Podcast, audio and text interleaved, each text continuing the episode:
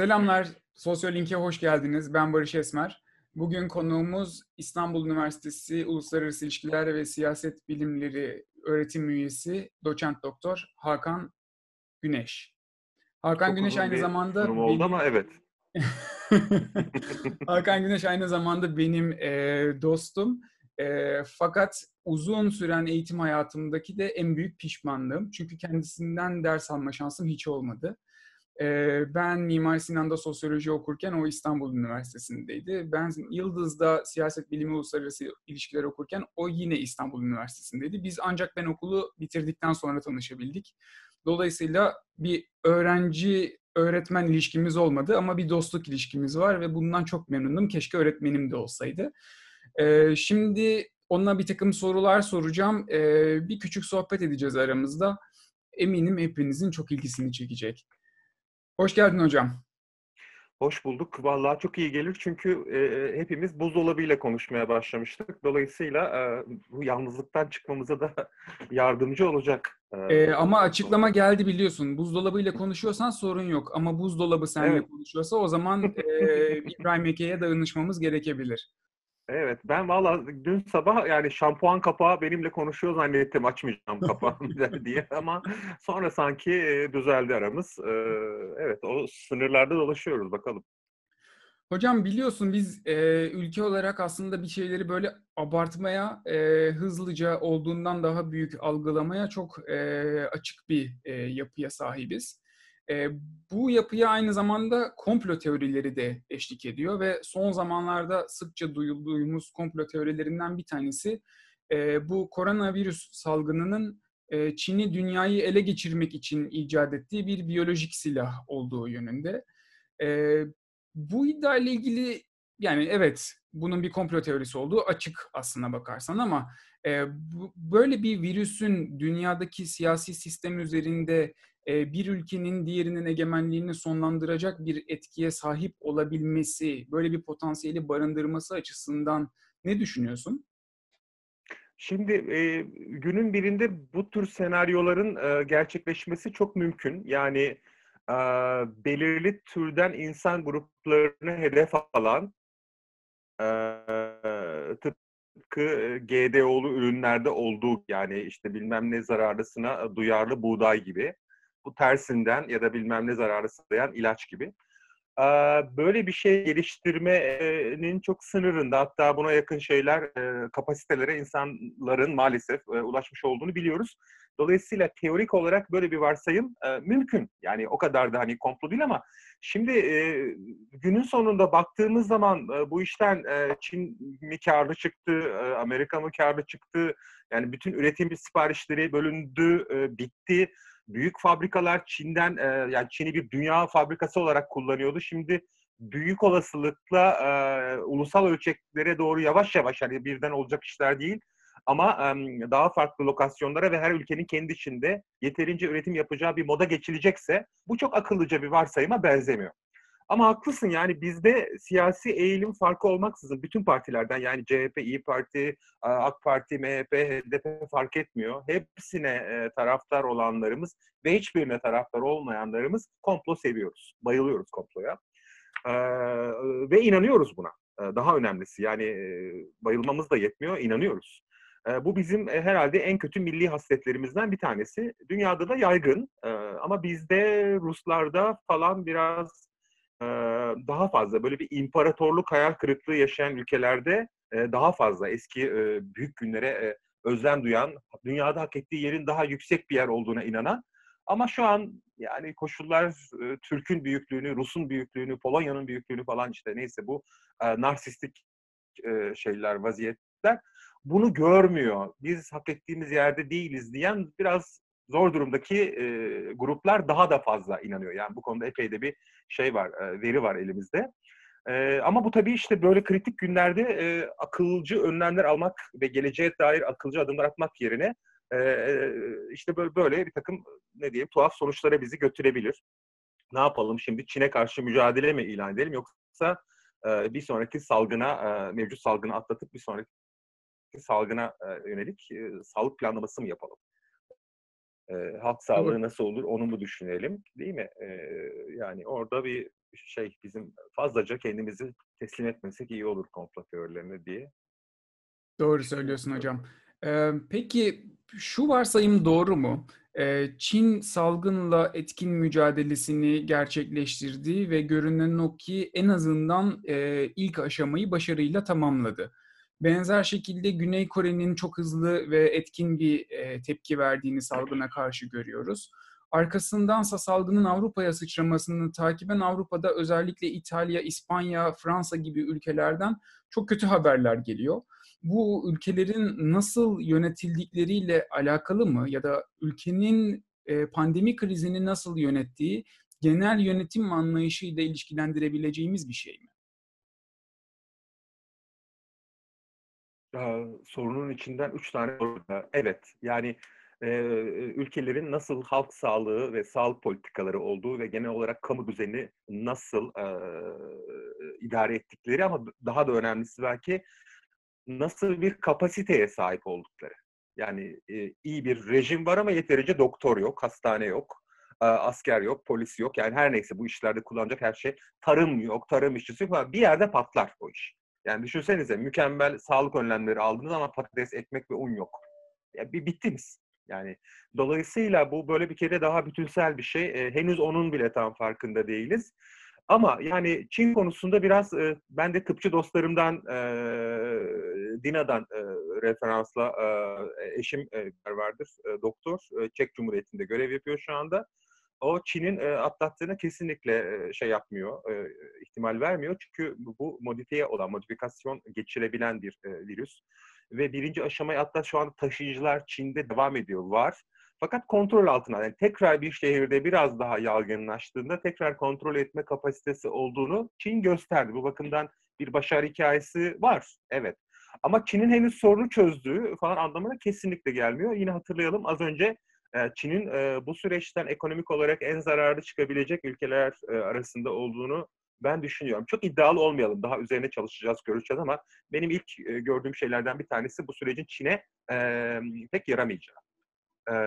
dolayısıyla evet yani bu sağlık sistemleriyle ilgili kısmın, yani Çin'le ilgili, rejimle ilgili kısmı bu.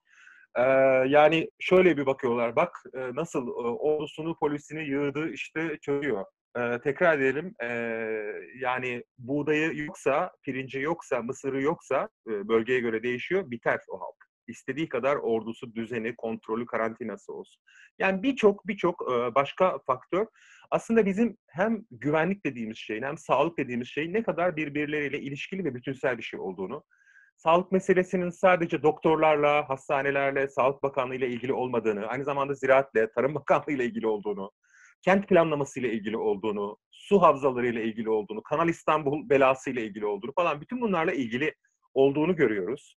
Ee, ve tabii ki toplumların dayanışma kapasiteleri, e, örüntüleri ilgili olduğunu görüyoruz. Yani daha dayanışmacı toplumlar, dayanışmacı olmayan toplumlar falan bunlar tabii ki totalde e, bir değerlendirme yapmak için ben erken olduğunu düşünüyorum. Mesela bazı toplumlar da yaşlarına ne diyelim yalnızlıktan öldürtecekler. Çünkü e, dayanış yani bir telefon edecek insanları e, olmayan toplumlar var. Çok çok başka türlü dertler var. Sen zaten biliyorsun yani çok farklı ülkeleri izleyen birisin. Evet. E, bu yani total bir değerlendirmek için çok erken.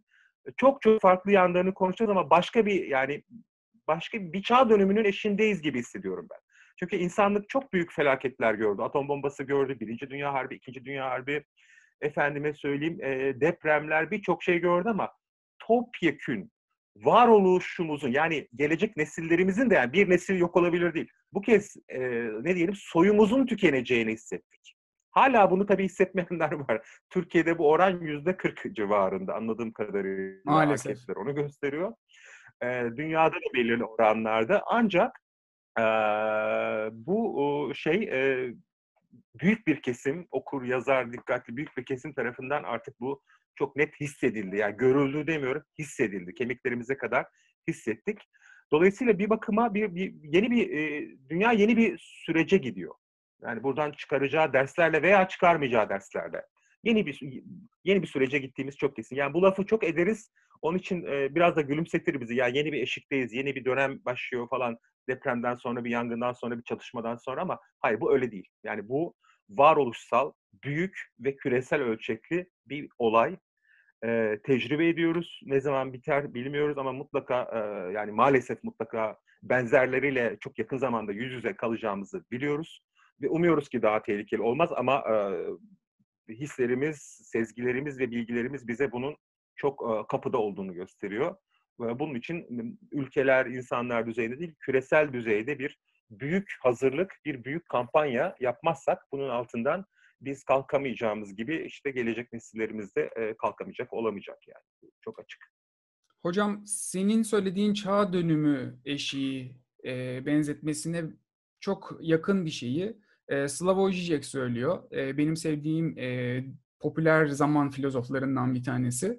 E, diyor ki salgın sonrası dünya ya daha yüksek bir otoriterleşme eğilimine girerek faşizmin e, farklı vehçelerini keşfedecek ya da sosyalizm bunun içerisinden yeni bir imkan olarak doğacak. Çünkü aslında e, pandemi krizi bizi şöyle bir noktaya doğru itiyor. E, bugün televizyona bakıyor herkes. Akşamleyin Twitter'da Sağlık Bakanı'nın kaç ölü, kaç vaka açıklayacağına bakıyor. Ve onun söyleyeceklerine göre kendini hizalamaya çalışan milyonlar var. En azından Türkiye ölçeğinde konuşmak gerekirse. E, ama hem Türkiye'de hem de dünyada aslında e, sistem bu otoriterleşme eğilimini e, Boris gibi, Donald gibi adamları bundan e, 4 yıl önce, 2 yıl önce başa getirerek zaten göstermeye başlamıştı. Yani sistem içinde bulunduğu duruma bir tepki vermeye başlamıştı otoriterleşme yönünde.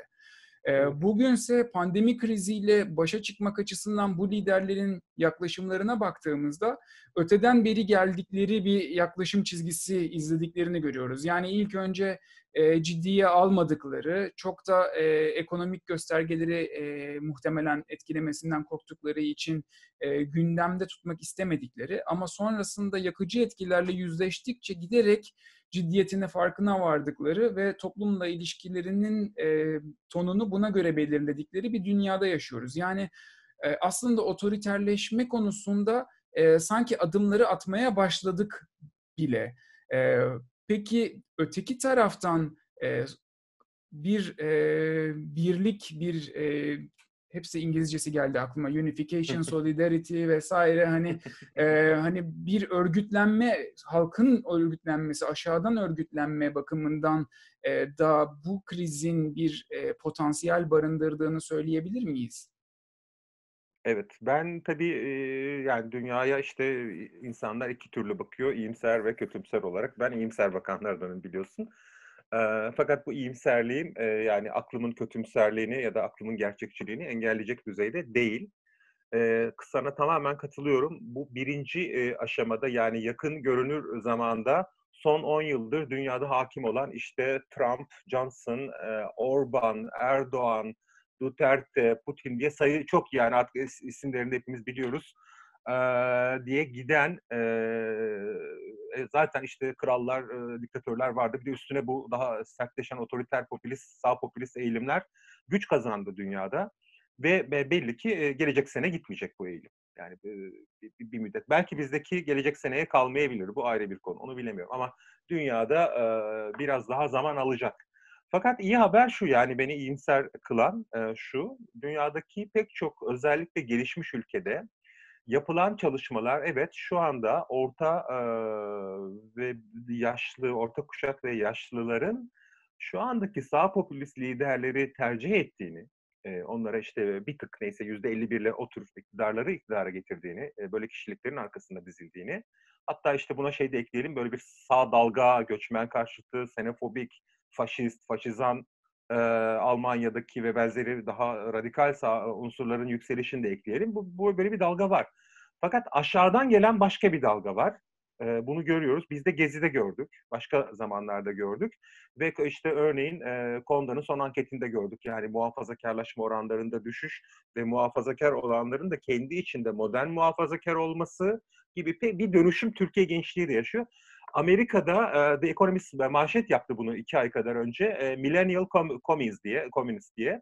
Yani Z kuşağı komünistleri bu Amerika'da yani böyle bir kuşak geliyor ve oranın böyle Fox TV'si bizimkinden farklı biraz biliyorsun.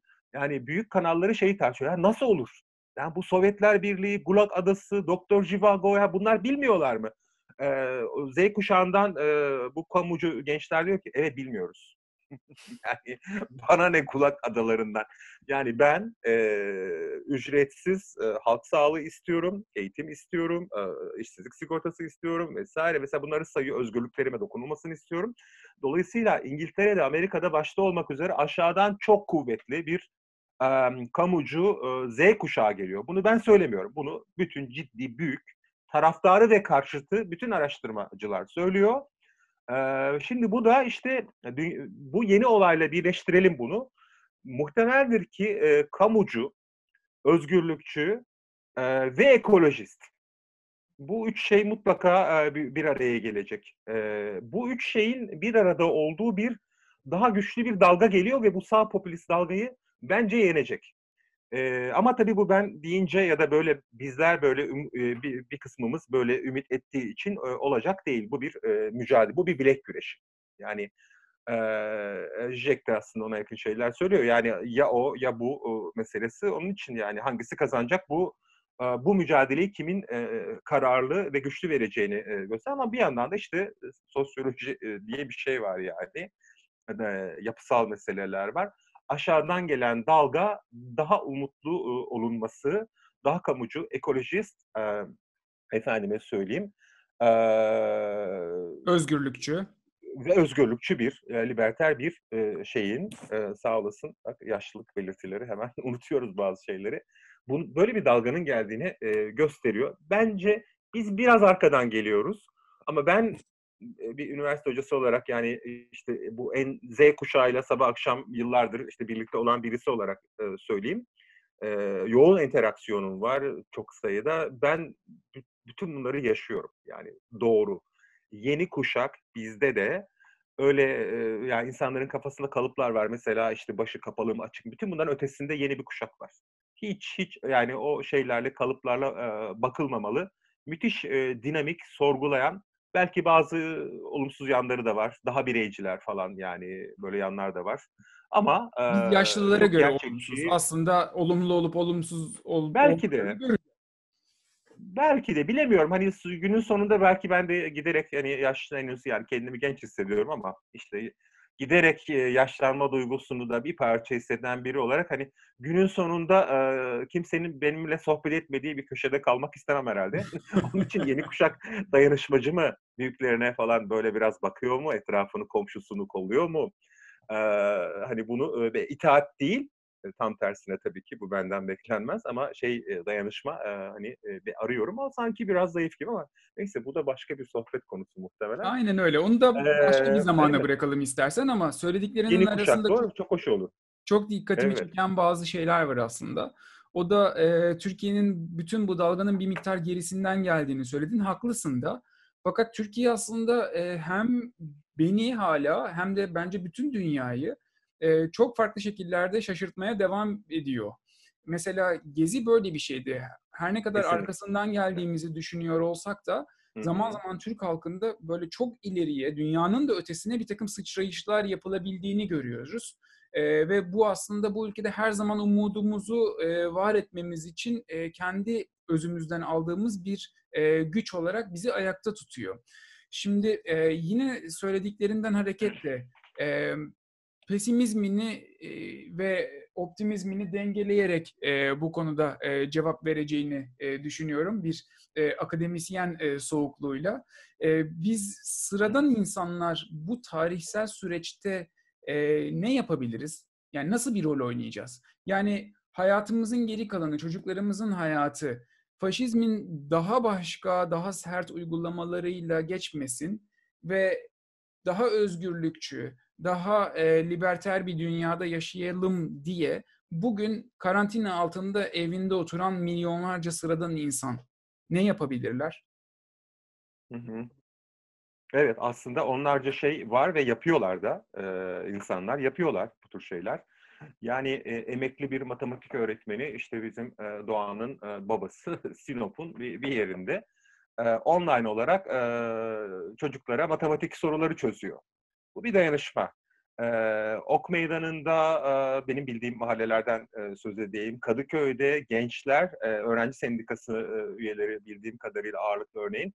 Onlar e, kapılara, apartman girişlerine afiş asıyorlar ve alışverişlerine yaşlıların özellikle e, yardımcı olmak için bir şeyler yapmaya çalışıyorlar. Yani tabii ki maskelerini takıyorlar, mesafeyi koruyorlar, yaşlılara da bir şey, kendilerine de bir şey bulaşmayacak önlemler içerisindeler. Tabii.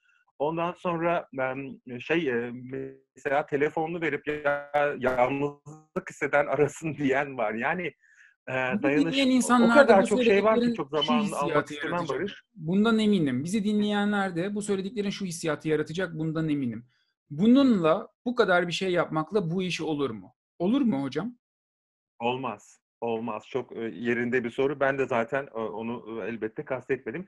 Şimdi bu hiçbir şey yapamıyorsam anında yapılacak şey ve ne diyelim aslında bunu bir rutin olarak yapmamız lazım. Buna benzeyen çalışmaları yapmak, yapanlara destek olmamız lazım. Yani biz yapamıyoruz. O zaman hadi ne diyelim bir parça para gönderelim. Bir parça bir şey yapalım. Ne diyelim internetimizi paylaşalım. Kodumuzu komşu. Yani yapabileceğimiz şeyler var. Bunu söylemek istedim.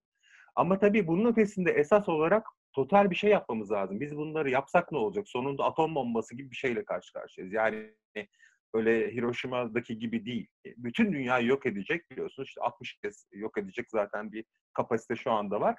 Böyle bir şeyle karşı karşıyayız virüsle.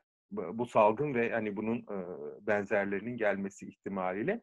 Bununla başa çıkmamızın bir bütün olarak, bütüncül bir dünya ölçeğinde, bakın ülke de demiyorum, dünya ölçeğinde bir sağlık altyapısı inşa etmekten e, başka yolu yok. Yani sadece doktoruyla değil, doktoruyla, doktoruyla, sendikacısıyla, işçisiyle, akademisyeniyle, bütün toplumların yüzüyle katıldı. Öyle Kanal İstanbul gibi e, oldu bittiler ve milyarların harcandığı. Baksanıza yani bu, hakikaten insanı delirten bir haberle uyandık sabah.